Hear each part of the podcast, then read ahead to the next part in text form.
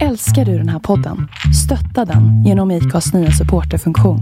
Det är helt upp till dig hur mycket du vill bidra med och det finns ingen bindningstid. Klicka på länken i poddbeskrivningen för att visa din uppskattning och stötta podden.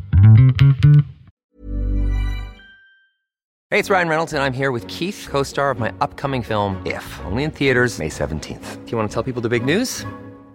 All right, I'll do it. Sign up now and you'll get unlimited for $15 a month in six months of Paramount Plus Essential Plan on us. Mintmobile.com slash switch. Upfront payment of $45 equivalent to $15 per month. Unlimited over 40 gigabytes per month. Face lower speeds. Videos at 480p. Active Mint customers by 531.24 get six months of Paramount Plus Essential Plan. Auto renews after six months. Offer ends May 31st, 2024. Separate Paramount Plus registration required. Terms and conditions apply if rated PG. Detta avsnitt av Vi måste prata presenteras i samarbete med Pelle Friends på Åsgatan 18 i Falun. Där kan du bland annat köpa Muminporslin från Arabia, glas från Orrefors Kosta Boda och kläder från Pelle P. Och du, det är alltid 4 för 3 på allt. Läs mer på pellefriends.se.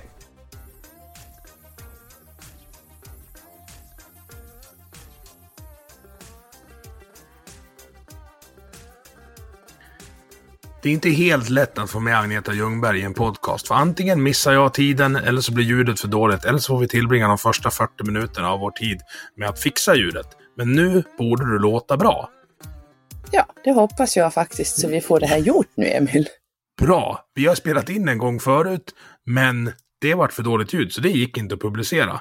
Så då väntade jag i typ ett halvår så att jag skulle glömma bort vad vi har pratat om, så att vi får en ny chans med ett blank slate.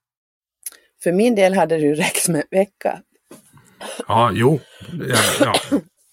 Så här är det. Agneta Ljungberg är inte bara psykolog, utan hon är även min psykolog. Ja, det kan man väl säga att jag är. Det är alltså Agneta som gjorde min ADHD-utredning för snart tio år sedan. Och det är det vi Nej, ska det prata mer, om. det är mer än tio år sedan, Emil, för det talade jag om för dig förut, för att man sorterar bort journaler så sparade jag din. För jag vet ju att du kommer ju snart att vilja ha en ny kopia igen. Ja, du ser. Du, Ja. ja, du vet. Och det har jag fått den när jag skulle ta körkort. Men Mm. vi, ska, vi ska prata jättemycket ADHD och nu har vi transparent checkat så att alla vet att vi känner varandra och är kompisar sedan tidigare. Mm. Eh, vem som nu ens blir kompis med sin psykolog. Vi var ju faktiskt Mm. kompisar innan du vart min psykolog. Ja, Men vi ska precis. börja med din story. För den här podcasten eh, är ju egentligen bara en ursäkt för att jag ska få ringa upp folk som jag tycker är frän och prata med Mm. dem. Och du är Mm. ganska frän. Ja. ja, det kan man kanske tycka då. då. Jag vet Ja, inte om jag tycker det. För, alltså, jag vill återknyta till han som jag har glömt vad han hette som var polis och var med i en, av dina poddar tidigare. Han på, Viktor. Adolfsson. ja just det. För han sa att han var så jävla dålig förlorare och att det blev värre med åren. Mm. Och det ska jag bara säga att om det är någonting som blir värre med åren så är det att vara en dålig förlorare. För just nu så har jag varit på Ma- Masarnas sista match i år och jag är så jävla dålig förlorare så att jag kan sparka sönder saker när jag går därifrån. Jag blir helt vansinnig. Jag kan inte se en bortamatch i speedway på live. För jag blir så förbannad när de sitter och kör runt efter sina femmeter med sina flaggor så att jag blir helt vansinnig. Och när vi tittar på det på tv då knäpper jag av när de tar en femmetta. Mm. Så jag slipper se det där. Det, det är jag. Jag, relaterar, jag relaterar till det där. Eh, sen är det ju så att det blir lite olika effekt när du och jag är dålig förlorare. För jag har ett Ja. något större våldskapital i och med att du är en centimeter längre än en slips. Ja, just. Och jag, jag tänkte säga, men jag är större i käften än du är, men det tar jag tillbaks. Ja, Det är nog. Det funkar nog i nio fall av tio med människor du träffar, men Ja. här tog det stopp. Precis. Ja, nej. nej, men som sagt, jag är psykolog, jag är apgammal, jag fyller snart 66. Jag har en massa barn, det vill säga fyra barn, två bonusbarn, jag tror att det är 11 eller 12 barn, 12 barnbarn, ett barnbarnsbarn, två hundar, den ena och den andra. Eh, och- Barnbarnsbarn vid 66 är ändå rätt snabbt marscherat. Ja, men hon är ett år så att det var redan vid 64. Mm. Ja, Nej, men och sen jobbade jag många år i psykiatrin på Säters sjukhus, reta upp mig på Dagmarreformen som höll på att flytta runt folk på olika ställen. Berätta Var- om Dag, Dagmarreformen. Ja, Dagmarreformen det var den här där i slutet på i början på 90-talet när man kastade ut folk ifrån sluten psykiatrisk vård och man skulle få vård i sina hemkommuner och man skulle stänga alla stora psykiatriska kliniker och göra som man har gjort i USA. Och det blev inget bra. Framförallt så blev det inte bra för patienterna. För att eh, det var många av dem som inte klarade flytten hem. De hade varit där sedan 1912, 14, 20 och sen plötsligt skulle de hem till en kommun de aldrig hade bott i och blev isolerade och dog av tristess förmodligen. Och så blev det inte bra för personalen. För varje dag när man kom till jobbet så var det nog alltid någon som sa, hur många år har du då? Vem ska gå först tror du? Och det var ett sånt irritationsmoment så att jag sa upp mig helt enkelt och flyttade. Och fortsatte att jobba på psykiatrin i, på Danderyds sjukhus på ett litet ställe som heter Rånäs slott. Det lät jävligt danderydskt. Ja, det är Danderydskt, men det ligger ju långt upp i, alltså ligger långt norr om Rimbo, mellan Rimbo och Knutby någonstans ute i skogen där liksom. Men det hör ju till Stockholms län så att det hörde till Danderyds sjukhus. Men jag var helt enkelt trött på psykiatrin så jag sa upp mig helt och hållet. Och sen började... Den här Dag, Dagmarreformen, jag vill stanna kvar på den. Ja. Alltså det, det... Jag har ju lärt mig med åren, och det var kanske förra året om jag ska vara helt ärlig, att de flesta människor vill ju att andra människor ska ha det bra. Så det måste Ja. ha funnits någon slags god bevekelsegrund för att genomföra det här. Ja, nummer ett var ju naturligtvis pengar. Aha, okej, Det då tar jag tillbaka alltid. det jag sa. Ja, men så är det ju alltid. Men nummer två det är ju att jo, men alltså det är ju inte bra för folk att bo år ut och år in på en institution. Om man inte behöver det, utan man får hitta andra vägar då. Men man hittar inga andra vägar, utan man sparkar ut dem först och, och tänkte att vi löser problemet sen. Och det var ju ganska självlösande då i och med att många dog.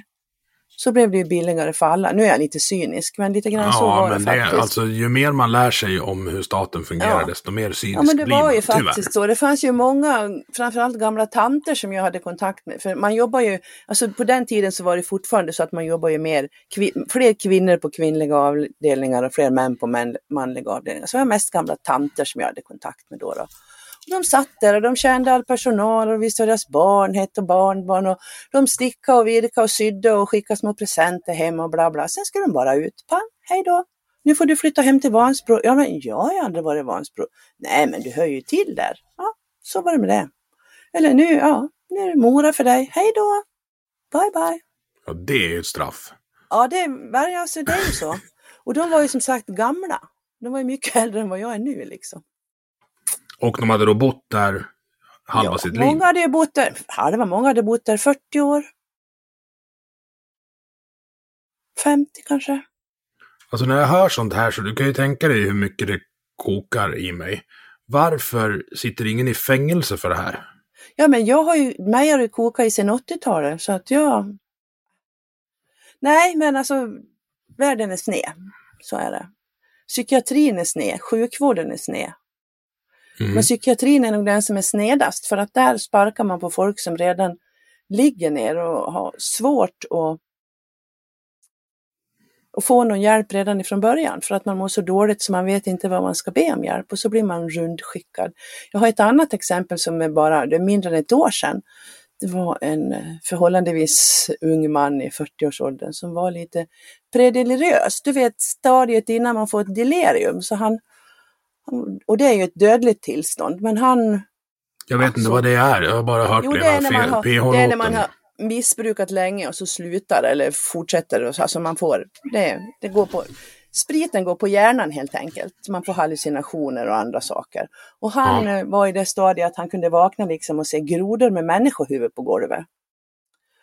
Så att, och det här var ju coronatider. Jag hjälpte till att få tag i en ambulans, få han inlagd på sjukhus eller få ambulansen, de kom ju som rymdmän vet du, instormande och började på undersöka. Jo men då hade han ju lite ont i Vilket magen. kanske inte hjälpte i hans stadium då, att det kom Nej, rymdmän in genom dörren. Nej, ja, nej men han, han, var ju, han var ju inte fullt deliriös utan det var ju bara periodvis liksom som man såg det där och jag sa att det där är farligt, han måste till sjukhus.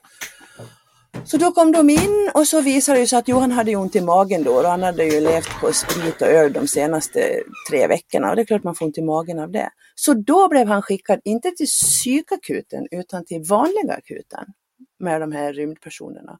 Och där undersökte man honom och kom fram till att nej, men det här magonda det beror nog på att du har druckit sprit. Då skrev de ut han och så sa de, ja du kan ju gå till psykakuten om du vill, den ligger där borta. Mm. Nu var ju det här en snäll och lydig man så han gick ju till psykakuten och knackade på och blev så småningom insläppt. Men jag menar, han kunde ju ha dött. Ja, eller han kunde ha fått en psykos och gett sig ut på byn och slagit Ja. ihjäl någon annan också. Ja men, ja, men eller hur, det är ju alternativ. Men han kunde ju faktiskt ha dött av sin akut pågående deliriösa tillstånd. Och då, nej, du får... Varför är det så här då? Jag vet faktiskt inte varför det är så här. Jag vet inte varför det är så här. Det övergår mitt förstånd. Ja, alltså. Det kanske är tråkigt för er som lyssnar på den här podden hela tiden, men jag landar ju oftast i att det är för många mellanchefer som inte har någonting att göra. Som kostar pengar och är i vägen. Ja, Det blir så inom i princip all offentlig verksamhet som bara växer och växer. Ja, och vi har ju ett landstings... Nej, nu heter det ju inte landsting, nu heter det region. Vi har ju ett mellanled i Sverige som heter region som egentligen inte gör någonting mer Nej. än kostar pengar. Det Nej, kunde helt det, alltså enkelt det är ju statens stat- mellanchefer, regionerna. Ja, men eller hur. Det kunde ju helt och hållet ligga på statlig verksamhet och så kunde de ta bort det här att regionerna ska hålla på och härja och bestämma själva. För som det är nu också så kan man ju, man kan ju surfa runt i Sverige om man vet hur man gör, vilket jag vet. Så kan man faktiskt surfa runt, inte med hjälp utav vårdgarantin utan med det som heter valfrihet i vården. Vårdgarantin den innebär att du måste vänta minst 90 dagar. Ja, att du får vänta max 90 dagar. Ja, max 90 dagar. Ja, Minst vilket oftast 90 dagar. blir 90 dagar. Du får minst 89 dagar. Sen får du kanske träffa en sköterska. Då har de tagit emot dig. Ja, sen får du vänta 90 dagar till på en doktor. Och sen kan du få vänta ytterligare på din behandling. Och undersökningar och så vidare. Mm. Men, och det är vårdgarantin. Och då hjälper det inte vart man vänder sig liksom, så gäller samma sak. Men om man använder sig av det som heter det fria vårdvalet, vilket i princip betyder att du får betala dina resor själv. Vilket man väl ändå får, jag vet inte, jag har inte fått en hört talas om någon som har fått en sjukresa betald mer än de här bussarna som går. Då gäller inga väntetider, för du har rätt i Sverige att välja vårdgivare. Du får fritt välja vilken vårdgivare du vill och tar de bara emot dig så får du komma samma dag om så är. Det enda kravet där det är att det är ett landstingsavtal Mm. hos dem som, som tar emot dig. Och det behöver inte vara det landstinget du bor i utan det kan vara vilken region. Det kan vara vilken region som helst som har ett avtal med dem så får du komma dit. Jag både gillar och inte gillar det. Som du säger så går det ju säkert att utnyttja för, för, för den som vet hur man gör. Men samtidigt, jag tror ju att regionerna och den svenska sjukvården lider av en alldeles för liten konkurrensutsättning. De har Ja. inga som helst incitament att vara effektiva. Nej men det blir ju konkurrens eftersom det, det, det man vänder, kan vända sig till är oftast privata företag. Ja, som har ett avtal någonstans. Och sen tycker jag ju att det är horribelt att det ska behöva vara så. Men så säger de att det är så dyrt med privatvård och bla bla bla, det kostar så mycket. I helsike heller.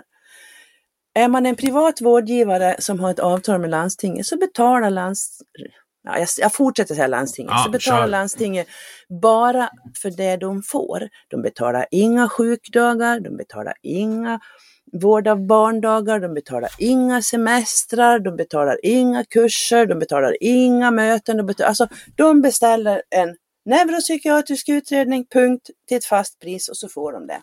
Mm. Punkt slut. Spelar ingen roll liksom, det är det de får. jag gillar ju det. Och jag, jag vet att du Ja. och jag har ju bråkat om de här eh, privata vårdapparna, Kry och, och Ja. så. Men jag tror ju att det här är liksom förstadiet som gör att landstingen får lov att kliva in på andra sidan millennieskiftet. För de är ju inte där än. Jag, tänk, jag tänker så här, alltså, vi hade ju inte haft Netflix idag om vi inte hade haft Pirate Bay först. Vi hade inte Nej. haft Spotify om vi inte haft Napster. Någon måste in och konkurrensutsätta och trycktesta systemen. Mm. Och Men de någonstans... Oj. Nej, kör du. Nej, men någonstans så har ju alltihopa spårat ur också. När man ser de här reklamen för de här apparna på tvn till exempel. Mm. Det är någon som ringer upp angående sin sjuka pappa eller sitt sjuka barn eller det. Så säger de "Åh, ja men jag tycker du ser trött och sliten ut också. Kaching! Där kasserar de in 150 spänn till efter att Mm. hon patient också. Och folk ringer ju dit för, alltså de mest horribla saker. Åh, mitt barn har feber. Ja, barn har feber. Så är det. Mm. Och Jo, men vad jag, vad jag menar är, är att eh, jag, jag tror ju nästan inte på statlig verksamhet längre. Jag kan tro Nej. på viss, viss statlig kontroll. Alltså det är Mm. samma sak.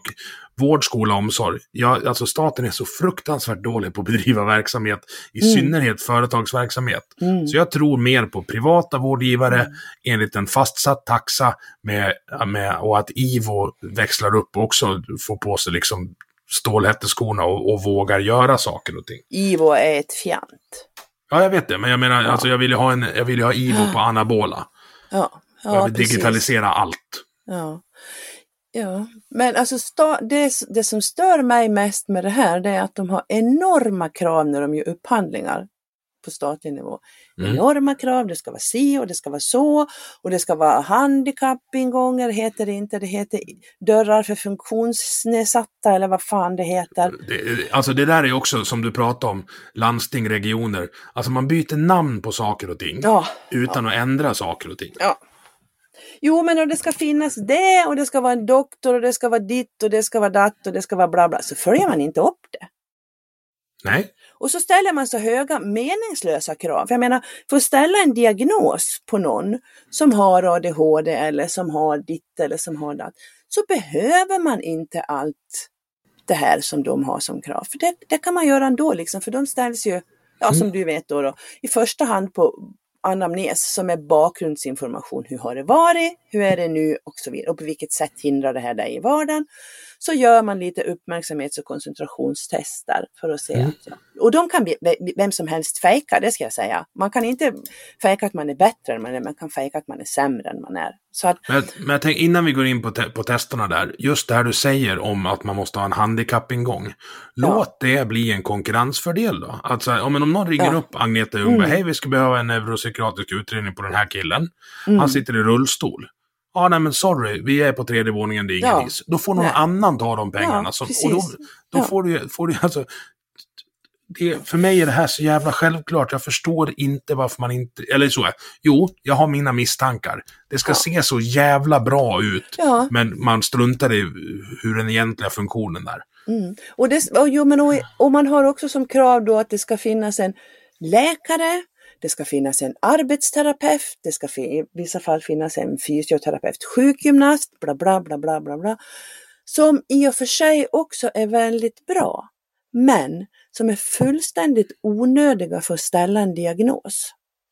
De kan man däremot ha för att göra en funktionsbedömning när diagnosen är ställd. Vilket skulle kunna frigöra läkaren för behandling, sjukgymnast, arbetsterapeut för att följa upp och se hur det fungerar hemma och i skola och så vidare. Istället för att de ska sitta på ett kontor och göra de här grejerna och allting ska ta en himla lång tid. Och när man väl har fått sin utredning så finns det ingen vård efteråt. Nej. För då dyker det- nästa problem upp. Och det, sånt skulle man faktiskt kunna kvalitetssäkra på ett helt annat sätt än att hålla på och ställa en massa fåniga krav och pinka in revir i upphandlingar att alla ska Mm. ha sin del av kakan. Nej, men och sen är det ju så att om du då gör en utredning på någon som du bedömer att här behöver vi ha en fysioterapeut. Mm. Ja, Då plockar du in en sån. naturligtvis. Som har ett eget företag och ett eget kontor med hur många handikappingångar som helst. Ja, visst gör man det. Alltså hur kan folk inte fatta det här Agneta? Är det Ja. för att du och jag är så jävla smarta? Är det det? Jag tror, jag tror att vi är smartast i världen, du och jag. Ja, det vete fan. Nej, men det, alltså, Ja. det här måste ju grunda sig i någon slags ideologisk bas. Ja, nej men och det här gäller ju inte bara psykiatrin. Jag ska Nej, inte det gäller orättvis, allt. men psykiatrin är för bedrövlig. Men jag menar också, också vanlig somatisk, alltså kroppslig vård. När man skickar ett brev till någon som är 92 år och har starrat, ja vi har tre års väntetid, det är ju ett hån. Jag säger så här att den svenska vården är i världsklass. De svenska vårdköerna är katastrof. När du väl Ja. kommer fram och när du väl kommer in, då är det, alltså det är så fruktansvärt bra när du Ja. väl kommer in. Men folk dör ju i kön. Mm. Och det, alltså det är nog det jag har ändrat mig mest ideologiskt de senaste 20 åren. Det är det här att man eh, in, att, att folk som har råd kan gå, gå till privata eh, vårdgivare och få, få betala för det. Mm. För då säger folk att det blir orättvist. Men det som de facto händer, om vi har en kö på 100 pers till, till den allmänna skattefinansierade Mm. vården. Och så är det fyra stycken som har råd att köpa det här någon annanstans. Mm. Då försvinner ju de ur kön. Ja. Så de får det snabbare, ja. Men även den som inte har råd hamnar ju fyra platser längre fram då. Jag ser inte problemet. Nej, inte jag heller. Men jag skulle säga det, jag går tillbaka till det där med psykiatrin innan vi går vidare, att eh, det här med utredningar och uppföljning och utvärdering av det man faktiskt köper in. Det finns, det finns ju absolut inte, för att det är också så att väldigt ofta så av någon anledning så är föräldrar väldigt drivna. De vill ha en diagnos på sina barn.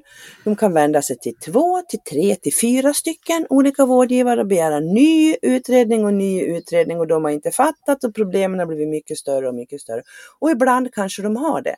Men många gånger så tror jag att det handlar om ren, jag vet inte, jag ska inte säga slöhet, men att man väljer en enkel väg. Det måste vara något fel på den här ungen som inte jag kan hantera. Och så får man till slut en diagnos som är helt horribelt att det inte finns en kvalitetssäkring hela vägen. Liksom. Att när man, om man nu har varit till två stycken och de har sagt nej och man kommer till en tredje och ändå får en diagnos, då borde det någonstans ringa någon klocka och säga, hallå, vad är det som har hänt här? Är det två stycken som är helt inkompetenta eller har den tredje, orkar den tredje bara inte stå emot?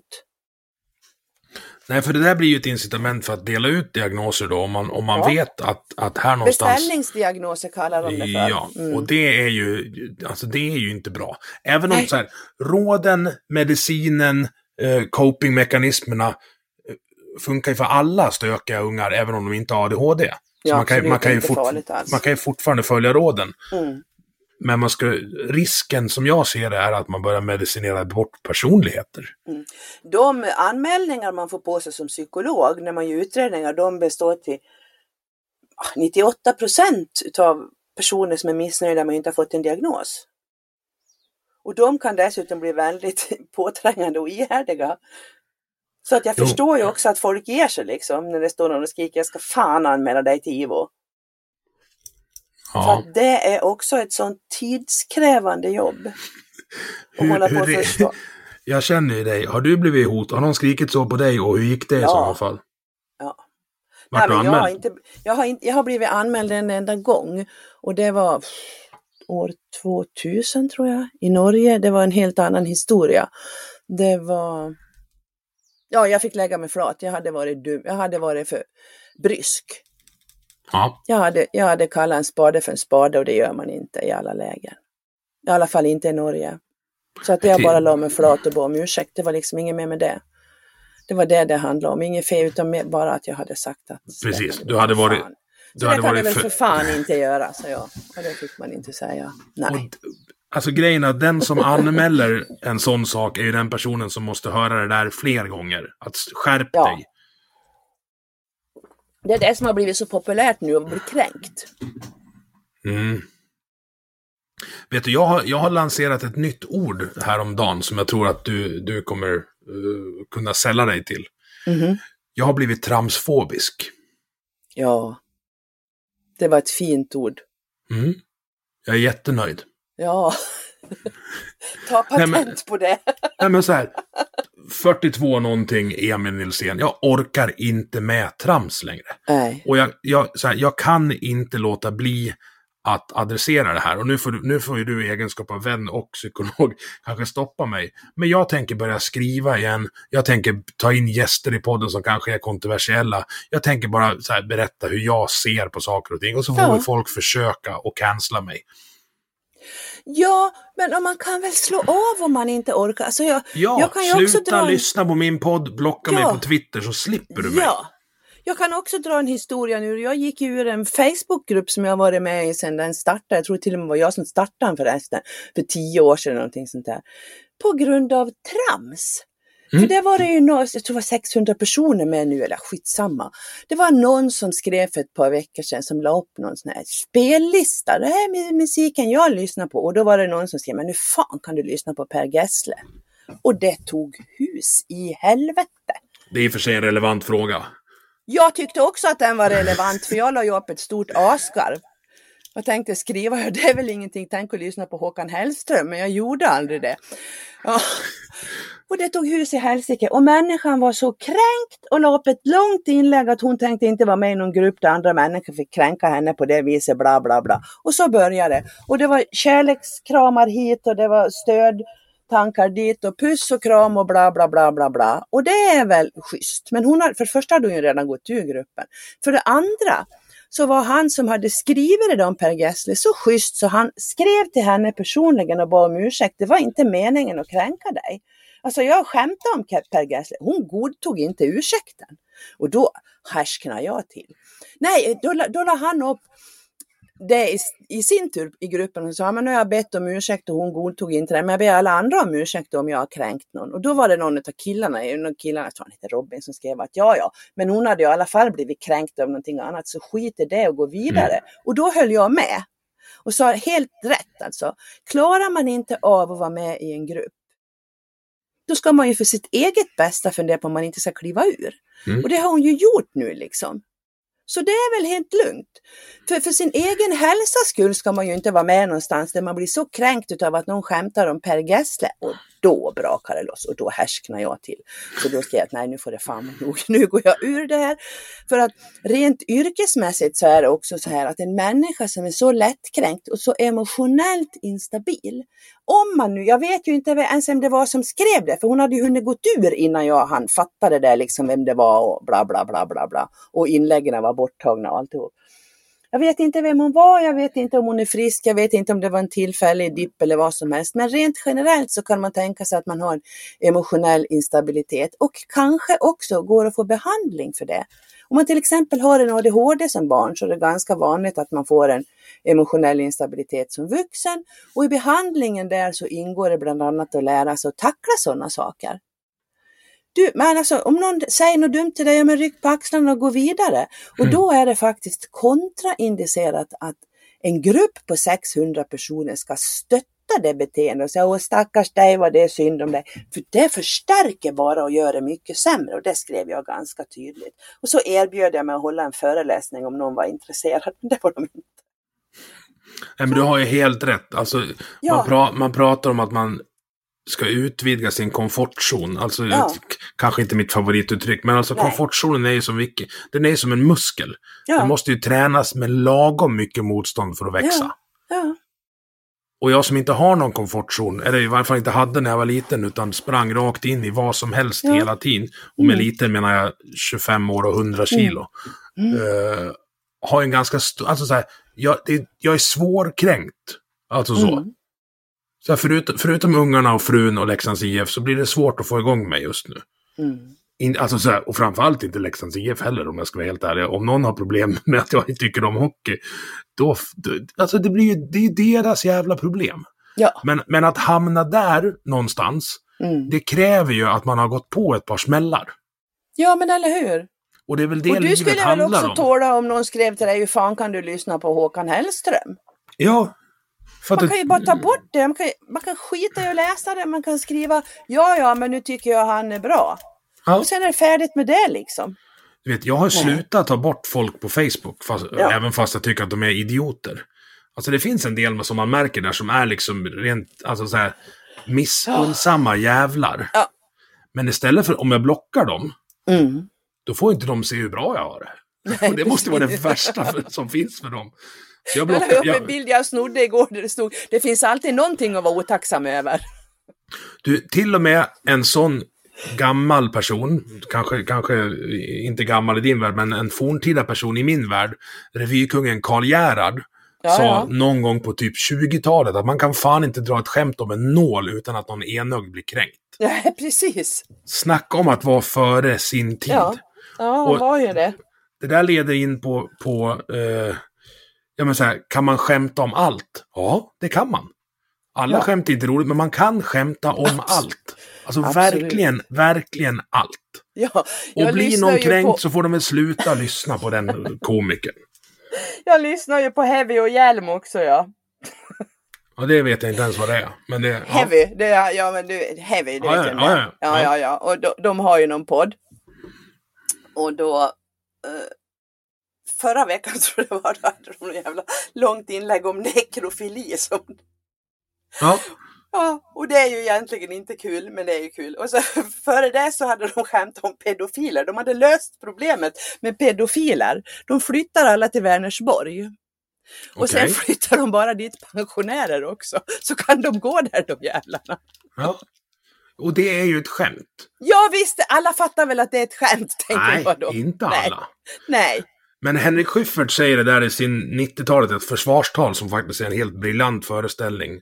Att det är, hans teori är att det är mänsklighetens sätt att hantera saker som är svåra för att hantera.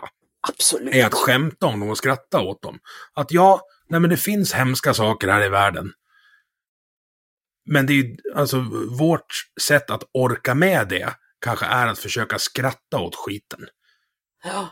Och det är när, när folk inte längre klarar av att skratta åt skiten som skiten blir farlig. Troll Ja, dör i solljus. Alltså Ja. man ska skicka lampor på, på, på det och bara... Ja. Nej, men så här, ja, men du vet något så här ga- gammalt skämt om så här, Oj, där satt hon sig i gurk, rätt i gurklandet och fick den rätt upp i röven. Ja. Och då skrattar man. Ja, det var ju roligt om det hade hänt. Och sen är det någon jävel som bara så här, Vad säger du? Fick hon en gurka upp i stjärten? Hur gick det? Ja. Åh, Är det fiskar som kissar i mitt vatten? Ja. Ja. Det blir ofta stickspår när jag pratar med dig, men det tycker jag är bra. Ja. Någonting jag ser verkligen fram emot, vi kan ta två, två ytterligare stickspår innan vi kommer in på, på ADHD-avdelningen. Det blir ju Mm. lätt så här när två stycken som förmodligen, ja. Jag har ju fått fortkörningsböter på spektrumet och du är inte långt bakom. Nej, Nej. Men jag så har också fått finns- fortkörningsböter. Ja, jag vet. Det finns, det finns två tv-serier, en som pågår nu och en som kommer, som jag, som jag tycker att folk ska titta. Dels har du den här när Belinda Olsson ifrågasätter sina egna genusteorier på SVT, som faktiskt är lite spännande. Jag håller ju inte med om allt, men det är alltid roligt att se när teoretiker möter forskare och forskare säger åt teoretiker att, "Nej, men, nej", eller ideologer möter forskare. Forskarna säger så här, så här får du tycka, men det här är vad som egentligen finns. För de, det är uppbyggt det här med att det finns ingen skillnad på killar och tjejer. Vilket vi kommer komma till när vi pratar ADHD. Och mitt svar är alltid då så här, jaha, har du träffat killar och tjejer någon gång? Det är liksom så, ja, det, mm, det är tydlig skillnad från, jag tror att det är sex dagar va, som testiklarna börjar bildas ja, på fostret. Ja, från början är ju alla tjejer. Ja, men efter sex dagar så, så Ja. blir det något, något, något fel på hälften. Mm. Och så Ja, får precis. de Det testosteron. ramlar bort en del där. Ja. Och sen har du John Cleese ska på BBC köra en serie nu under vintern som heter Cancel Me. Där John Cleese ska försöka tvinga BBC att inte sända hela serien. För att han ska bli... Det kan väl inte vara något svårt i England? Du, BBC är helt fantastiska jämfört med våra public service på vil- Okej. vilken, vilken, vilken bredd de har. Det är, inga, det är inga problem med Auschwitz-skämt i deras motsvarighet i parlamentet. Tänk om vi skulle nej. köra det här. Ja, ja. Ja, Ja, det ja, ja, aldrig ja. Eh, nu får jag sätta en disclaimer att nu ska jag dra ett väldigt grovt skämt. Så eh, om ni vill får ni hoppa över uh, de närmsta 30 sekunderna. Men ett av skämten som dras i det här, det heter ju uh, Mock the Week, heter deras parlamentet. Ja. Det är när Jimmy Carr säger nu ska jag dra det, det grövsta skämtet jag har. Och så säger han Jocke, Jocke, måste du onanera i duschen? Du sabbar hela Auschwitz-resan. Det är grovt. ja. Det är Englands public service. Så Ja. John Cleese kommer få ta ut svängarna. Och han är ju liksom en, en, en nationalidol. Jag vet inte om vi har någon motsvarighet. Det skulle vara Gösta Ekman, förstår du? Alltså det är på den nivån Ja. i, i Sverige. Så, ja. Ja, eller Robert Gustafsson kanske. men du, att han Ja. inte har blivit cancelled, det är faktiskt ett unikum. För det finns en Robert, sketch, ja. det finns en sketch där han kör blackface och driver med invandrare som finns på YouTube. Och Jaha. vem som helst annan svensk komiker som hade gjort den hade eh, åkt ut på arslet. Så jag Ja. bara väntar på att det kommer. Kom ihåg vad ni sökte för. eh, Ni kan söka på Robert Gustafsson och spårvagn. Då ska ni få höra att det är... Mm, det är... Mm, jag vet inte riktigt Robban. Jag har inga problem med det. Men det finns nog ganska många som om det hade varit, säg, eh, Aron Flam eller någon annan komiker med Ja. lite, eh, som kanske inte är public service gunstling, hade gjort det, hade rykt på minuten. Ja. Robert Gustafsson, Mustafa, spårvagn. Lyssna på den. Men det är inte därför du är här. Nej. Vi ska prata ADHD. Ja. Och kanske min ADHD. Ja, det kan vi göra om du vill. Jag är, jag är hyfsad kompis med den. Mm. Eh, definiera ADHD. Nej, det går inte så enkelt. Men det, man kan säga så här att det är vissa kriterier som ska uppfyllas för att man ska få en ADHD-diagnos. Man ska ha svårt med koncentration och uppmärksamhet och man ska också ha en rastlöshet. Och så ska det på något vis ställa till det för en i vardagen. Så. Sen finns det en massa olika små kriterier under det där som man ska. Men kort sett så är det så. Man ska ha svårt med koncentration och uppmärksamhet. Och det ska vara ett hinder för den. och eller hyperaktivitet, rastlöshet. För att man kan ha, dels kan man ha en ADHD som betyder, ja, det är en uppmärksamhet och koncentrationsstörning med hyperaktivitet. Och så kan man ha något som heter ADD som är bara uppmärksamhet och koncentrationsstörning och då har man inte H1 som är hyperaktivitet utan då är man lite mer än det som sitter i ett hörn och drömmer sig bort liksom. Och sen kan man faktiskt också bara ha hyperaktivitetsdelen där man klarar av att hålla koncentration och uppmärksamhet men bara är så fruktansvärt hyperaktiv så att man inte kan stå still. Men alltihopa faller in under samma. Mm. Kan hy- alltså det är lite hönan och ägget grejen där. Kan hyperaktiviteten vara både ett symptom och en mekanism för att hantera det? Alltså spring i Absolut. benen, alltså Ja. skicka ungarna på gympa. Mm, så kan det vara. Ja, men det man skickar barn för att göra sig av med sin rastlöshet, det blir ju inte hyperaktivitet på samma sätt, utan men man kan använda det här med motorisk, eh, vad heter det då? Att man använder sin motorik. Att man tröttar ut dem lite, sig. tänker jag. För att, ja, för att trötta ut sig. Och det är ju inte hyperaktivitet utan det är ju som du säger, det är en hanteringsmekanism.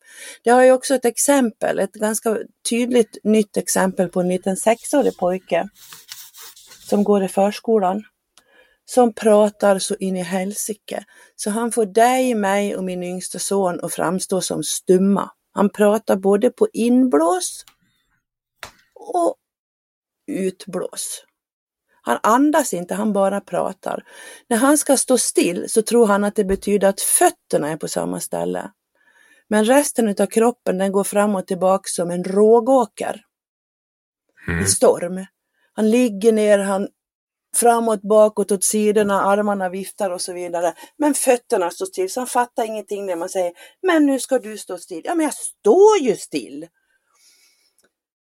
Eh, vad ska jag säga om det då? Hyperaktivitet och hantera. Jo, för att där föräldrarna har lärt sig att hantera det. Han bränner ju naturligtvis mycket energi så han behöver ju käka lite extra. Det känner du till liksom. När man blir hungrig så blir allting mycket sämre. Och när man inte får röra sig så blir allting mycket sämre. Folk Så har en att- tendens att vara dumma i huvudet och djävulskt när jag inte Ja, har jag ätit. Ja, Så att på eftermiddagen då på, på förskolan när det är dags för mellis, då har han liksom bränt all sin energi. Så att då är han så hyper uppe i varv så att då kan han inte sitta still. Så hans föräldrar har lärt sig hemma att ja men när det är så där då skickar de ut honom, då cyklar han lite på gården, han hoppar och han springer och han sparkar lite på sin boll och så kommer han in och så sätter han sig och äter. Och nu har de sagt det då på förskolan, ja men det, om han kan gå fem minuter före så kan han gå ut för en assistent, så kan han gå ut med sin assistent och bara springa runt huset. Nej, det kan han inte göra, man kan inte särbehandla så. Han får sitta vid ett eget bord och äta. De andra vill inte sitta med honom. Du vet, jag blir vansinnig. Jag. ja, jag blir, nu blir jag så arg så jag gråter. Prata stigmatisering. Jag ska på möte på, på tisdag morgon klockan nio. Jag vet inte hur jag ska hantera det. Får jag följa Jag med? kommer att gå i taket. Ja, du får följa med om du vill. Uh. Jag kommer, alltså det är helt, prata om att stigmatisera barn. Mm. Nej, de andra vill inte att han ska sitta med dem, så han får sitta vid ett eget bord. Nej, Ja, men också så här, vi, har hitt, vi i vår familj har hittat en Ja. lösning på det här problemet som ställer till det för vår grabb i förskolan. Mm. Och då säger förskolan att nej, den lösningen tänker inte vi använda oss av. Nej, han måste anpassa sig till de andra. Hade man hanterat en kille i rullstol på samma sätt, bara, nej men han, får, han ska inte ha någon rullstol. Mm, nej. Han får gå upp för trapporna som de andra. Mm. Mm. Nej, det där var bland det dummaste jag hört. Ja.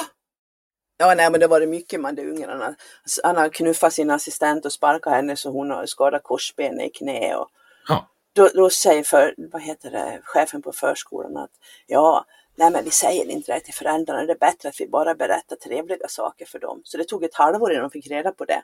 Så att vilket i och för sig, de har mörkat allting, liksom alla svårigheter som har varit i förskolan, vilket betyder nu då att hans ADHD-utredning också är försenad.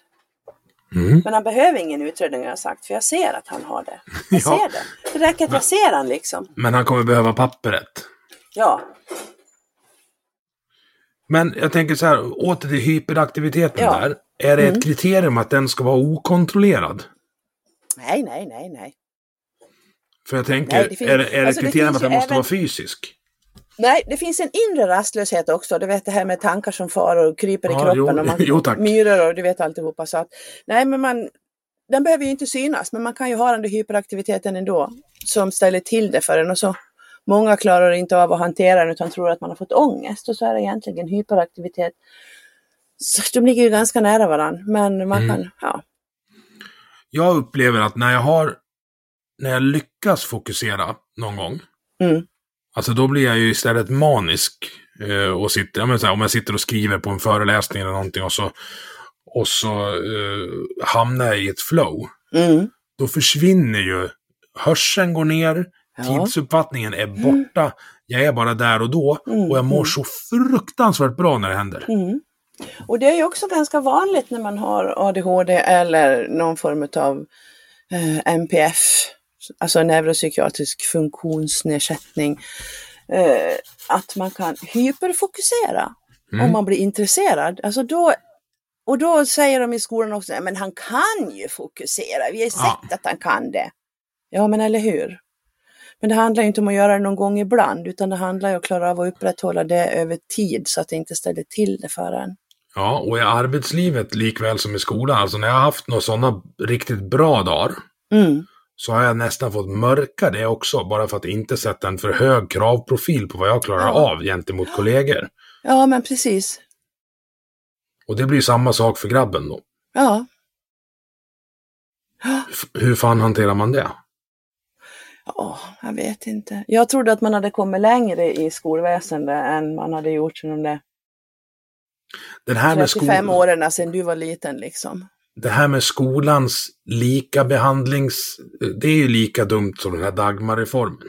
Ja. Ungar är inte lika. Nej, nej. Skolans uppgift är inte att förbereda ungarna för skolan. Skolans uppgift är att förbereda ungarna för livet. Ja. Och jag har inte tagit mig dit jag är idag tack vare den svenska grundskolan, utan trots den svenska Mm. grundskolan. Mm. Och det är ju åt skogen. Ja, nu ska jag lyfta lite fördomar igen då. då.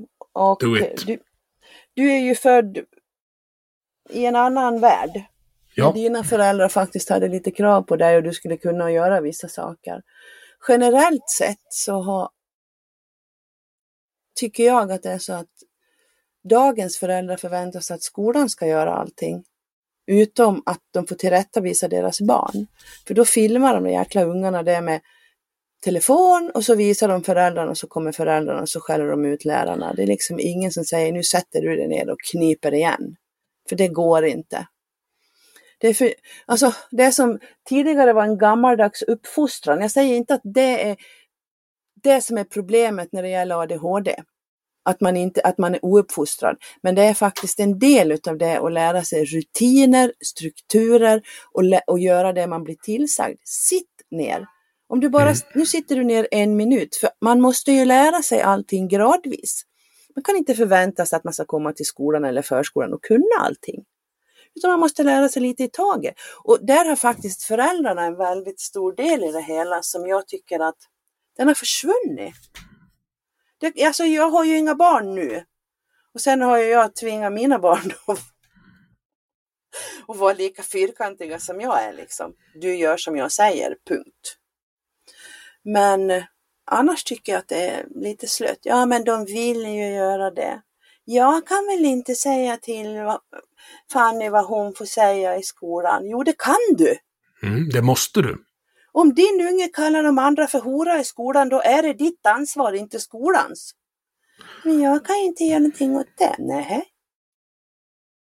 Och då är det ju så att det är inte så att mänskligheten har förändrats över de senaste 30 åren.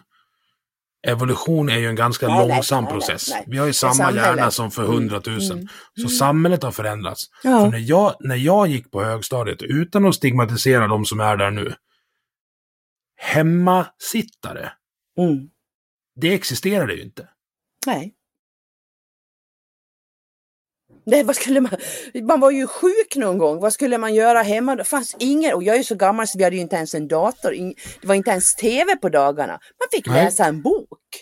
Ja. Gud vad böcker jag har läst, utan att vara sjuk också i och för sig. Men man hade ju ingenting att göra och inte fick man gå ut efter skolan. Men då är det ju eh, att det finns dopamin lättillgängligt nu som gör att, Absolut, att, att det ja. finns roligare saker än skolan på dagarna. Vad gör vi åt det då? ja. jag säger som jag aldrig skulle säga i hela mitt liv, det var bättre förr. Jag vet inte. Det behöver inte varit bättre för det, men det är sämre nu. Ja, så kan det vara. Ja, nej, jag vet faktiskt inte. Jag tycker att det här är ju ett samhällsproblem. Det är ju inte bara i Sverige. Men vi hamnar, ju, vi hamnar ju återigen där, där vi var först med, med regionerna och staten. Mm, mm. Alltså det är ju ingen slump att det är kö till engelska skolan som har disciplin och struktur som säljargument. Ö, nu, jag vill inte prata om engelska skolan för att Nej, då kommer okej. jag att bli stämd. Så det Ja. håller jag tyst om. Vi går vidare och säger att det finns Mm. inga, det finns andra, vi kör public service, det finns andra Ja, gör friskolor som har... Ja, det finns friskolor som har struktur och ja, det gör det. Men då är frågan så här, hur kan inte grundskolan ha struktur som, som liksom säljargument? Bara, Ja, det är konstigt, men det är ju också så att för att försvara grundskolan så har ju de, de är ju tvungna att ta de elever som bor där, punkt slut. Det är inte en friskola, en friskola kan sätta ett tak. Ja, De får ju inte längre välja, för det fick de göra förut. Men de kan sätta ett tak för många elever de tar. Mm. Det kan inte en vanlig skola. Och det måste alla liksom vara med. Eh, Jag tror ju också att de här friskolorna kräver en större del föräldradeltagande, vilket inte heller de... jag tror att det sköter sig automatiskt. Vi har ju satt, satt äldsta dottern i, i en friskola nu. Ja, Och man märker ju på föräldrarna, på för, Mm. första föräldramötet, att det här är folk som har valt det här. mm, Som vill det här. mm. Och det blir det, alltså bara den, alltså det, det är inte en jättemycket högre engagemangsnivå. Men tänk då den, de, säg att det är 5% högre. Mm. Tänk dig de 5 procenten aggregerat över en uppväxt innan ungen är ute ur gymnasiet. Mm. Det är ju, ja, det blir, det blir ju Men- skillnad. Nu ska jag också lyfta ett eh, varnande finger för det där, därför att min erfarenhet är också den att många föräldrar som har barn som misslyckas i den kommunala skolan, alltså barn som har svårigheter av olika slag, vä- väljer då att flytta över dem till en friskola, vilket gör att friskolorna ofta har barn med större, större andel barn med svårigheter. Ja, tror men de har, då, har ju, då har ju också de fått för, för, då har ju de också tvingat sina föräldrar att ta en mer aktiv roll. Ja, nej, men alla föräldrar gör inte det Nej. ändå. Men en, jag vet att det, förut så var det så. När jag, jag måste vara 20 år sedan, jag är ju så himla gammal. Då flyttar man gärna runt sina barn mellan olika friskolor. Alltså jag, bor ju, jag har ju bott i Norrtälje så länge och där finns det lite friskolor runt omkring. Och där flyttar man gärna runt sina barn i olika friskolor. Och det är heller inte bra. Men det går, alltså, i läroplanen så står det att skolan ska ha en kompensatorisk eh, eh, funktion. Mm. Det vill säga att den ska, hjälp, den ska göra att alla ungar kan ha, kan ha samma möjligheter, vilket jag, alltså det låter jättebra ideologiskt. Jag tror inte det är applicerbart på verkligheten. Men det står också att det ska vara en lika behandling. De Mm. två tar ju ut varandra, de går inte att kombinera. Nej. Sen vet jag att jag är lite kluven till det här med skolplikt i Sverige, för i Finland, Ja, ju- jättedum idé. jag Heja kastar mig Finland. mellan länder fram och tillbaka, för de har ju lärplikt. Finland är ju som Sverige fast för vuxna. Ja, men det är Norge också i så fall när det gäller skola. Norge är grannen som, som vann på Triss, jävla olja. Ja, de har bättre skola. Men, eh, och Finland de, också. De skiter ju pengar. Det är klart de har bättre Ja. skola. Ja, men alltså min idé det är ju, nej jag tror inte det har pengar att göra för de sparar ju sina pengar i oljefonder. Jag tycker att vi ska anfalla Norge och när vi kommer till gränsen då ger vi oss. Så blir vi norrmän allihop. Ja, jag är med. Och jag Ja. är inte den som är jättesugen på att ge mig. Nej, inte jag heller. Ska, nej du, innan jag ger mig då ska det mycket till. Men Då ska vi säga att du har haft verksamhet både på Åland och i Norge. Nej, inte på Åland. Jag har familj på Åland. Ja, det är Ja. verksamhet i ditt fall. Ja, det är verksamhet. Men jag har jobbat jag, i Norge jag känner många, din många familj. Ja, jag vet. Ja. Ja. Och jag Ja. tycker väldigt mycket om dem. Hej Mm. Jenny! Ja, Ja. Du, vet du, på tal om det, vet du när det var första gången du och jag sågs? Nej.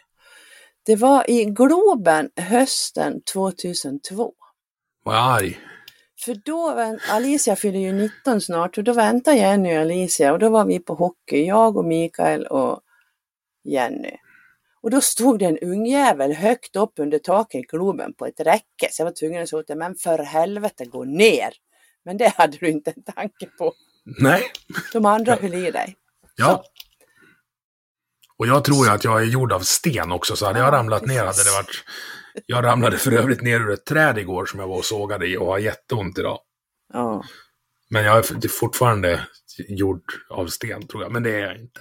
Du, eh, Ja. vi får släktforska åt dig en annan dag. ja, precis. Var var vi någonstans? Jo, fin skolan i Finland. Ja. Eller, eller har Finland har lärplikt. inte skolplikt. De Nej, har har lärplikt. lärplikt. Ja. Berätta. Ja, men alltså det betyder att klarar man av att lära sig det som kravet enligt Eh, läroplanen är utan att gå till skolan så behöver man inte gå till skolan. Vilket öppnar för olika former av hemundervisning. Man kan ha friskolor som sköter det fast inte lika lång tid. Är man duktigare än de andra så kan man gå ut skolan tidigare. Eh, det finns också så att om man nu inte klarar av att fylla kraven så är man ju tvungen att gå till skolan, punkt slut. Så är det också, för då tar socialtjänsten över ansvar om, om man inte klarar För man får tentera av sin kunskap på något vis. Jag är väldigt dåligt insatt i det här, utan det är bara det jag har läst lite ytligt. Men jag tycker att tanken låter väldigt bra. Mm. Jag skulle vilja digitalisera jättemycket i den svenska skolan. Framförallt proven, så att alla ungar gör samma prov så att vi blir av med betygsinflationen. För där Ja. vet vi att friskolorna gödslar betygen för att få dit Ja. ungar. Så gör de. Och om man då hade standardprov på alla ämnen så hade inte det blivit ett problem. Nej, och det är så, alltså, och det märks, ja, inte bara friskolor. Generellt sett, är man ett snällt barn i skolan också så får man också gärna lite plus på betygen. För du, jag har utrett massor med barn, alltså, jag vet inte hur många utredningar, jag har säkert gjort tusen utredningar, både barn och vuxna. Ja men, 700-800 i alla fall. Och du har ingen aning om hur många barn det är som är snälla, tysta och sitter still. Som får ett ganska bra betyg och som lärarna tycker är så duktig och kan så mycket. Och så kommer man dit och så gör man ett sånt här standardiserat test. Och för psykologtest är ganska standardiserade. Och så visar det sig att nej, det här är en unge som är på särskolenivå. Nej, det kan de inte tro. För han kan ju faktiskt knyta skorna själv. Nej, men alltså allvarligt talat, han är så snäll och han gör ju det och bla bla bla. Det är klart att han inte är på särskolenivå eller hon. Jo, Ja, för bristen på kravställning från skolan är inte snällhet. Det är dumhet. Ja, ja men om man anpassar in absurdum, både hemma och i skolan liksom. Jo, för grejen är att om, om inte dina föräldrar eller din skola ställer krav på dig Mm. så kommer verkligheten göra det. Och i mitt fall så, så drabbade verkligheten mig hårt i form av poliser och rättssystem. Mm. Som jag, ja, jag vet inte, det är inte skolans eller föräldrarnas misslyckande Nej. när det gäller mig. Men alltså det, det vart ett så här aha-upplevelse, jaha, de här jävlarna skojar inte. Hit Nej, vill jag precis. inte igen. Och det har inte bara jag inte. Nej, igen. Och det har inte Nej. bara att göra med att tingsrätten ligger i Mora. Nej. Det finns fler tingsrätter om vi nu ska vara lite public, public service Ja, men det är... än i Ja. Mora. Ja, ja Ja, men nej. förstår du att, att Ja. eh, verkligheten kommer inte anpassa sig. Och tror man, tror man det, det man gör nu med barnen, om man, om man skulle applicera det på simskolan istället och Mm. säga att så men nu är ni 11 år gamla Mm. och ska börja eh, högstadiet. Eh, och då ska alla simma, så nu slänger vi er på djupa, för det står i läroplanen. Mm. Mm. Så skulle, ingen skulle ju göra det. Nej, Men så gör man med ungarna nu. Nu ska du upp på gymnasiet. Ja, men jag kan för fan inte läsa. nej. Nej, du är, du är så gammal så du ska kunna läsa. Det har vi bestämt. Mm. Och att ingen varnar på det då. Eh, alltså det, måste, det borde ringa så många varningsklockor. Då är det ju bra att ha ett rigidt digitalt system som kontrollerar både läsförståelse och förmåga att skriva. Och de systemen är inte svåra att bygga. Ja, men och, Och jag- inte jag vill bara å- det, vänta, jag- utan det och, Ja. ja. Nej, kör du. Nej, Jo, jag vill återkoppla till det du sa om snälla elever. Jag har ju Mm. jättesvårt att relatera till det, för jag ifrågasatte ju allt från liksom tre år, årskurs tre och uppåt. Och bara, nej men det går inte att dela 10 med 3. Jo, det går visst fröken, du har bara fel talbas. Gå ut Emil. Alltså, ja. Om du har en unge som är nio år gammal och börjar prata talbas med dig och förklara för klassen att det finns olika stora oändligheter, mm. då ska du ge den ungen en annan mattebok, inte stigmatisera den. ja men eller hur. Du tappade lite tråd, var var vi någonstans? Vi var på... Ja, på jo, att ver verkligheten kommer ikapp. Ja precis. Och just det, att man ska digitalisera så mycket det går. För jag Ja. var ju en elev som ifrågasatte allt, vilket jag är 100% säker påverkade mina betyg. Mm. För jag, jag var inte dum i huvudet. Alltså Nej. jag har ju IG i svenska från, eh, ja det hette ju ett tvåa då på, på högstadiet och IG Ja, ja. på gymnasiet. Ja. Lik förbannat hade jag med en text som exempel på niornas nationella prov för tre år sedan. Mm. Då är det ju, då, det kan inte varit mig det var fel på då. Nej. Och om man då kör eh, både uppsatsskrivning och proven i svenska på en padda eller dator. Där, alltså många av frågorna går ju att göra multiple choice på bara för att kolla att man förstår. Om man kör Mm. Mm. tre olika frågor, alltså man, man gör ju frågan, nu blir det statistiken, men man gör ju frågan på tre olika ställen av hundra. Men ställd på olika sätt, så att man ser Mm. att ja, men nu kunskapen på det här finns. Det Mm. fixar datorn automatiskt. Mm. Andra hälften, den kör du fritext på. Eh, du blir av med hela handstilsproblematiken, som är, alltså Mm. jag har ju handstil för att bli doktor. Eh, du blir av med lärarens bias mot eleven. Mm. Om du skickar iväg det på rättning. Och så görs rättningen av eh, tre av varandra oberoende lärarstudenter som bara rättar den frågan på alla ungars prov. Mm. Sen ger de tre lärarstudenterna ett betyg och så gör man som konståkning att är det någonting som avviker så tar man bort det högsta och lägsta och så tar man ett Mm. medelvärde. Mm. Det skulle, det skulle lösa två problem. Mm. Det skulle göra att du får en standardbetygssättning över, eh, vad heter det, över hela landet. Du skulle kunna ha sådana diagnostiska prov i slutet av varje vecka för att se så att alla ungar är med. Du får varningssignaler om någon börjar sacka efter. Du får en gamification som gör att framförallt ungar i, på min del av spektrumet skulle tycka att det är roligt att tävla. Mm. Och du blir av med lärarbiasen gentemot stökiga och ifrågasättande elever. Plus att lärare slipper sitta och rätta prov och kan fokusera på att vara lärare. Mm. Bra, då är vi överens. Ja, det är vi helt överens om. Och då kan du också, alltså om någon elev är hemma och är sjuk, ja, men då får du en inloggning hemma. Du ska göra det här den här veckan. Mm. Det är det vi andra gör. Du får en översikt på schemat som är jättebra för, för mig. Alltså jag jobbar ju med schema och bilder idag, fast jag är Ja. över 40. Jag gör det med ungarna också. Så, vi, ja, men så här, fram tills att klockan är det, då ska vi göra det här och sen ska vi göra det här. Det Mm. blir mycket lättare att ta sig igenom dagen. Ja. Det ju jag Ja. också. Jag kör också med såna här delar utav dagen liksom. Ja, nu vart det en rant här, men det blir ibland, för det får Ja. jag, för det är min podd. Vi har pratat om utredningar. Berätta hur en sån går till. Nu är det Ja. din tur att ranta, för det här vet jag, så jag vill inte lyssna. Ja, nej men det är väl så här då att man, det kommer ju en remiss av någon som misstänker att det här är en person som behöver en utredning. Det kan vara barn eller vuxen. Och nu ser de lite annorlunda ut då om man är barn eller om man är vuxen. Är man barn så, så behövs det i alla fall ingen läkarundersökning för då går man ju hos skolläkare som ser om det är något fel.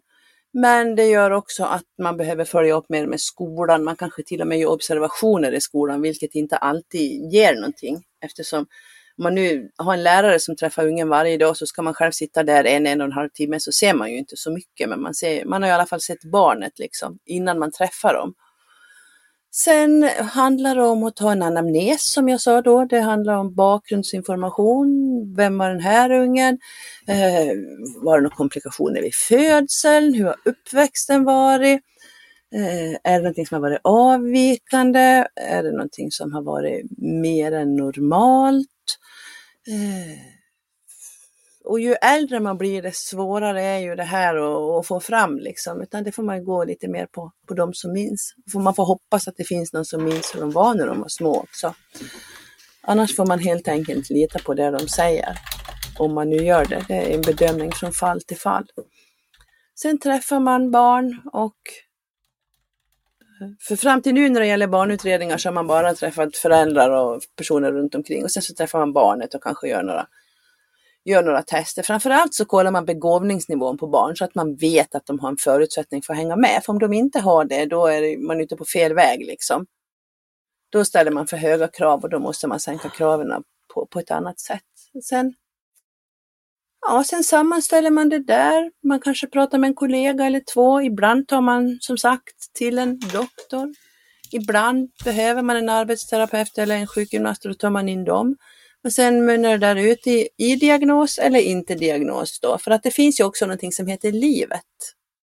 Mm, jag har hört talas om det. Som gör att, att man ibland inte mår så bra och då är det inte alltid ADHD eller autism, vilket folk tror.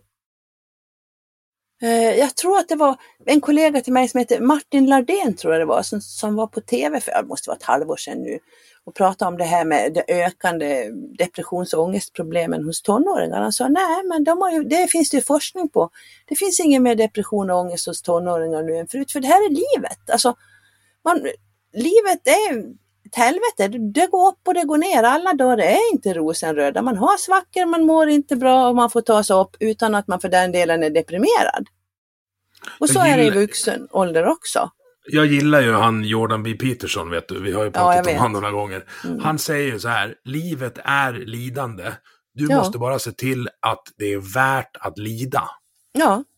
Och det tycker jag tycker det är ganska smart sagt, mm. måste jag säga. Att se till att alltså, forma ditt liv efter hur du vill ha det och se till att de sakerna du lider för ger utdelning på andra sidan. Ja, Ja, och utan att, för, utan att förringa någonting nu då i vuxen ålder, man kan både ha utbrändhet, man kan ha sociala problem som, som ger både ångest, oro, depression och så vidare.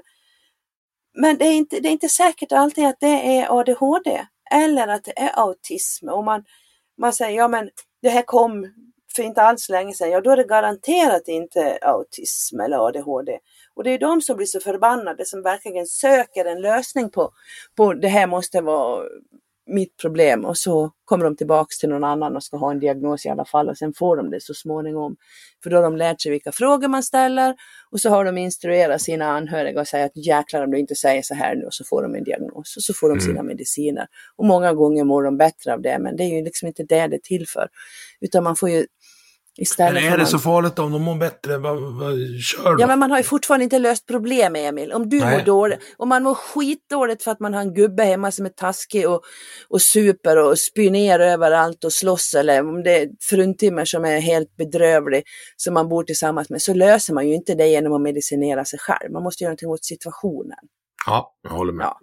Nu lät jag lite sådär mästrande igen för att ibland kan, man ju, ibland kan man ju faktiskt behöva ta till medicinering för att få orken men då är det ju inte ADHD-medicin man ska ha utan då ska man ju äta något antidepressivt eller så vidare. Man måste, man måste se till så att man hamnar så rätt som möjligt om man ska medicinera. Jag är inte negativ till medicinering, absolut inte.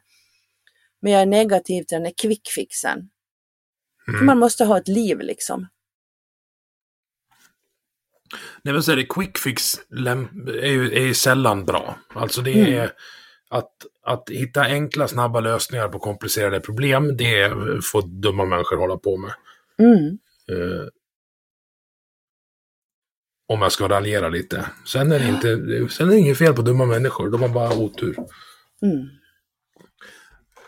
Det pågår en debatt i Sverige och över världen om en överdiagnostisering av ADHD. Är det de som tjatar till sig som är, är lejonparten där, eller beror det på något annat? Ja, både och. Både och. Det, Det var ett tydligt svar. Jag tror att det är en överdiagnostisering, eller rättare sagt, jag vet att det är en överdiagnostisering och det är mycket av det här tjatet och de här beställningsdiagnoserna att folk, eh, ja man får alltså, det kommer någon och vill ha en diagnos, då får de en diagnos. Dels får man betalt och dels behöver man inte bli anmäld när de får diagnosen. Men det är också så att vi har blivit bättre på att hitta de här symptomen och ställa diagnoserna. Samhället har förändrats någonting fruktansvärt, vilket gör att de här svårigheterna ökar och syns mycket mer än förut. Och så är det sådana som jag som åker omkring och berättar för folk att de inte ska skämmas, vilket kanske Ja, också gör att precis, folk... det också. Det är, precis. Och sen är det som sagt folk som gärna vill att det är just det här som jag har, det ska vara ADHD för att det är mycket rumsrenare än att vara deprimerad och ha ångest. Ja, men jag har en liten släng ADHD. Nej, det har du inte. Du har ADHD eller så har du det inte. Du kan också vara idiot.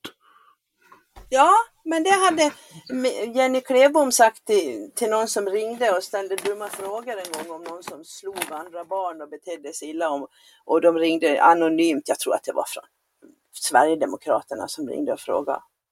Och berättade inte vilka de var och då var det en unge som sparkade de andra och slog och pinkade på dem om man hade någon diagnos, om det var ADHD eller autism eller vad det var. Ja, det kan det väl vara, säger Jenny, eller också är det bara en vanlig idiot. Och det blev det ett jävla liv om. Mm. Så det får man inte säga. Jo, det får man. Ja. Här får man det. Ja. Eh, vi har pratat mycket om pojkar nu. För det är ju en tydlig överrepresentation Mm. bland både utredda och diagnostiserade. Mm. Eh, vad beror det på? Ja, det beror ju på att pojkar alltid har synts mest. Pojkar är oftast livrigare och mer orädda och så vidare. Medan flickor gärna blir de här tapetblommorna. Eller ofta i alla fall, som sitter och varken syns eller hörs. Och kanske hankar sig fram i skolan med nätt och jämnt godkända betyg fast de egentligen är ganska begåvade. Och för att de inte kan koncentrera sig och vara uppmärksamma och få lägga ner massa mer energi än de skulle behöva för att komma igenom skolan. Men som sagt, tysta och snälla och kanske lite blyga. Och, de, de märks inte, alltså pojkarna blir nej, mer och så har de, de har ofta andra symptom då, då. Och generellt sett så är ju också tjejer av, man jo men i din podd får man säga det, är tjejer mer socialt begåvade, intuitivt. Mm. Mm, än vad killar är. Killar får träna lite hårdare på att lära sig det här finliret liksom och läsa av ansiktsuttryck. Och, men det är, jag jag det jobbar på det.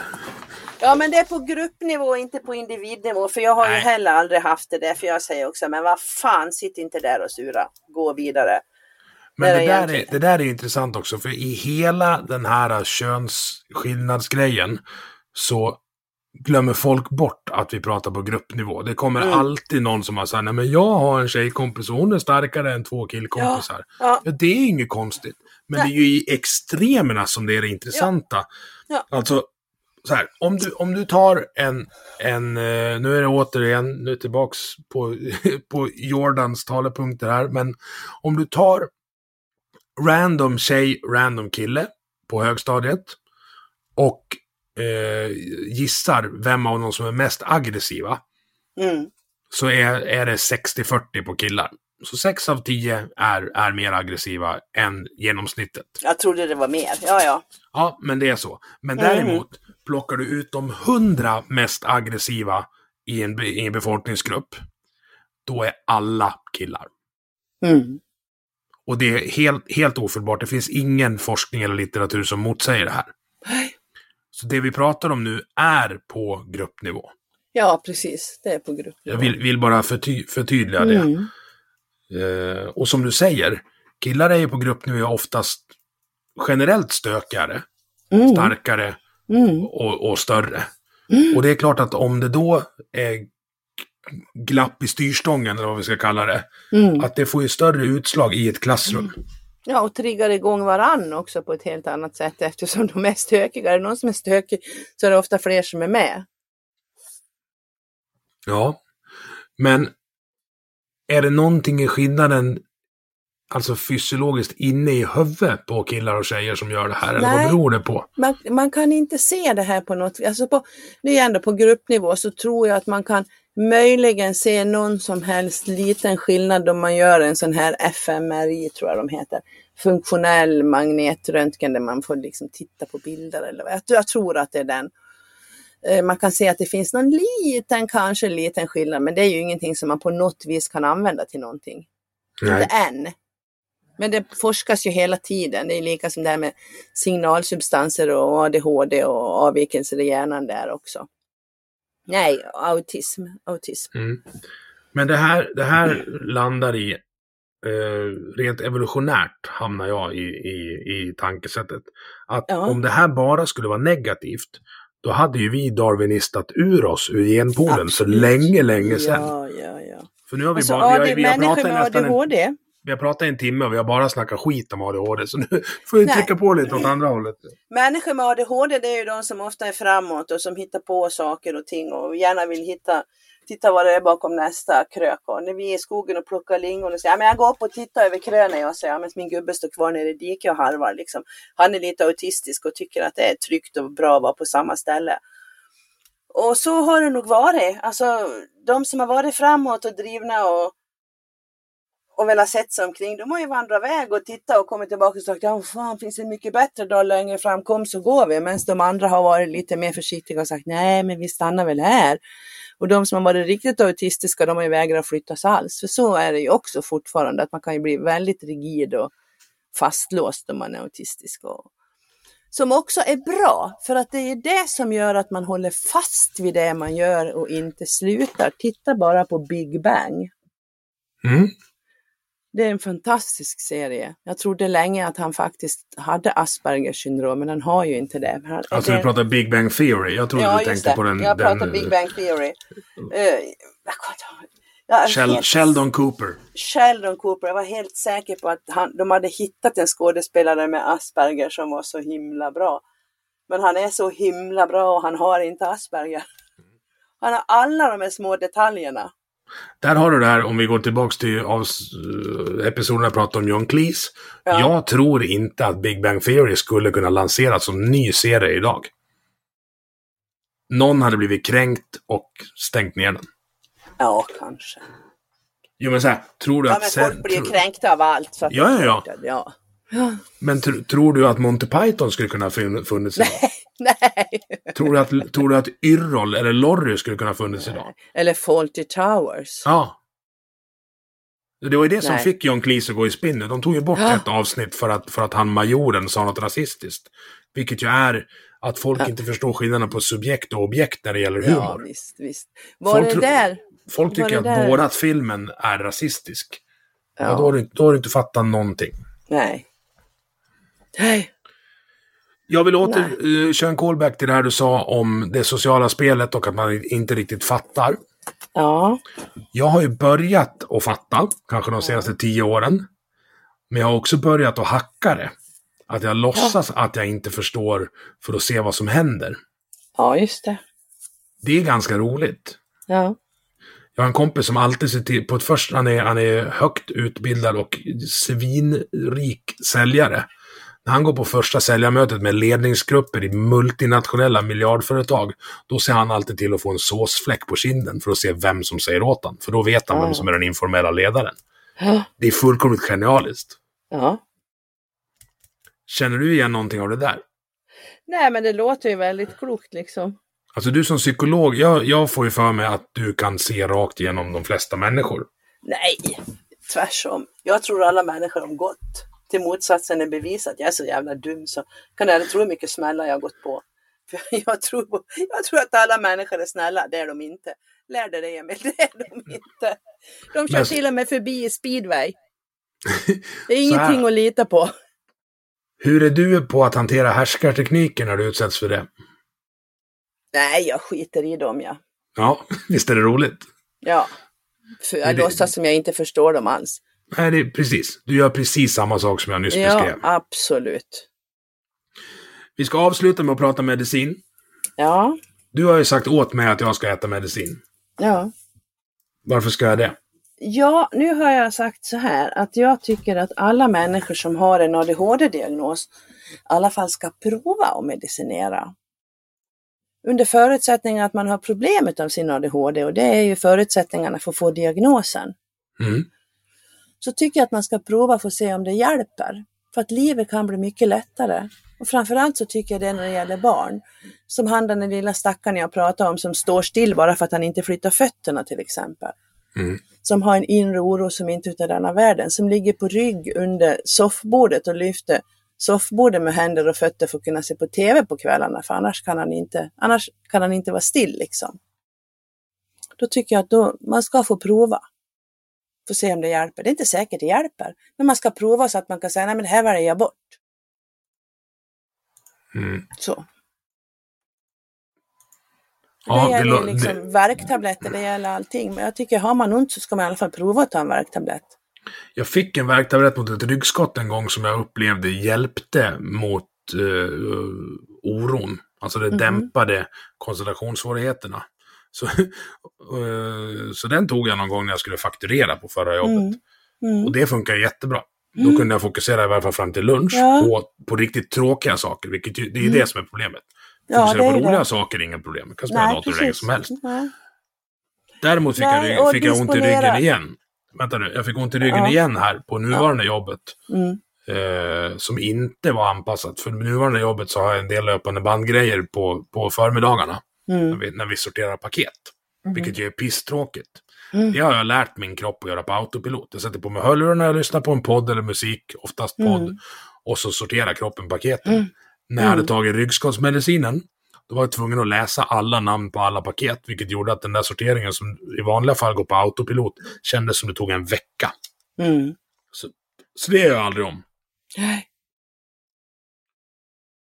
Så jag är lite, jag är lite rädd för, för uh, medicinen, men jag ska prova. Men det var inte helt lätt att få tag på. Jag har ju blivit bollad mellan tre olika instanser nu och ingen Ja, vill... det är ju det jag säger. Det finns ju ingen behandling efteråt. När man har blivit alltså, utredd. Du skrev i min utredning att Emil har, har lyckats hantera en jätte... Här, för jag har jättemycket ADHD, skrev du Mm. också. Mm. Kraftig. Mm. Eh, men jag har lärt mig hantera den, för jag fick Mm. diagnosen någon gång runt 30. Mm. Och jag har hanterat den på olika sätt genom åren. Mm. Jag har hanterat den genom sprit. Mm. Det blir inte särskilt bra. För det en, en, när det slår snett så kan det snarare förstärka bristen på impulskontroll och Ja. eh, utfallet på 120 kilo arg full Emil kan bli dyrt. Mm. Nu hanterar jag den på tre sätt. Jag äter rätt, jag sover mycket och jag lyfter skrot. Och det Mm. funkar faktiskt jättebra. Mm. Ja, och då tar det ju inte så mycket energi i vardagen kanske, men det är just det här också. Och framförallt när det gäller barn, att kunna hushålla med energin hela dagen. Ja. Ja. Nej, det kan, det kan de ju inte. Alltså det är Nej. ju... Min, sexåring kan säga när hon kommer hem pappa nu har jag varit i skolan hela dagen. Nu måste jag få sitta med paddan och ta det lugnt. Och när Ja. en sexåring säger så, då bara, Ja. då får du det. Ja. Ja, du vet om de skulle sätta henne vid ett eget bord när hon skulle käka mellis. Nej, du får inte sitta med de andra för du är så bråkig. Mm, Då hade du jag, röjt. Då hade jag gått bo, Ja, du. Jag tänkte på den här eh, läraren som var knivhuggen Ja, nyligen i Osby. Eller vad var det? Nej, Ja, es. Eslöv, Eslöv var ja, det. ja. Och när de skriver att så här, ja, föräldrarna fick stå utanför och vänta på att få plocka ut sina barn. ja. Hur tror du det hade gått då? Ja nej, det hade inte gått. De hade fått skjuta mig. Ja, Eh, så tips. Ja. Kom, ställ, ställ inte mellan pappa Björn och ungarna, det är dumt. nej precis det är dumt. Fast Du- mamma Björn brukar ju vara farligare för pappa Björn äter ju upp dem. Ja, inte i det här han vill fallet. ju. In, inte i det här fallet. Du, Mm. tack för att jag eh, fick låna dig och för att vi lyckades få till ljudet och för att du är min vän. Ja, detsamma. Tack för det Emil. Tack för att du finns. Du piggar upp. Ja, ja, men det är det vi gör. Vi Det gör är, vi är kryddan i vanlisarnas liv. Varsågod. Ja, är Tacka oss sen. Ja. Mm, tacka oss sen. Du har lyssnat på Vi måste prata som produceras av mig, Emil Nilsson. Tycker du om det du hörde? Dela avsnittet med dina vänner och på sociala medier. Vill du stötta podden kan du göra det via Patreon där du hittar den på patreon.com snedstreck vi måste prata i ett ord. Eller så swishar du en slant till nummer 123 671 46 79. Vi hörs!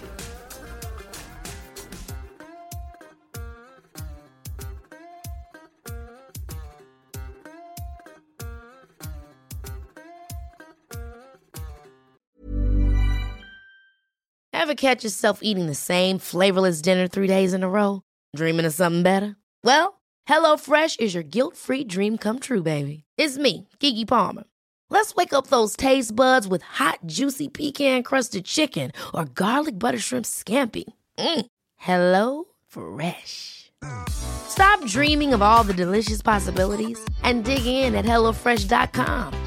Let's get this dinner party started.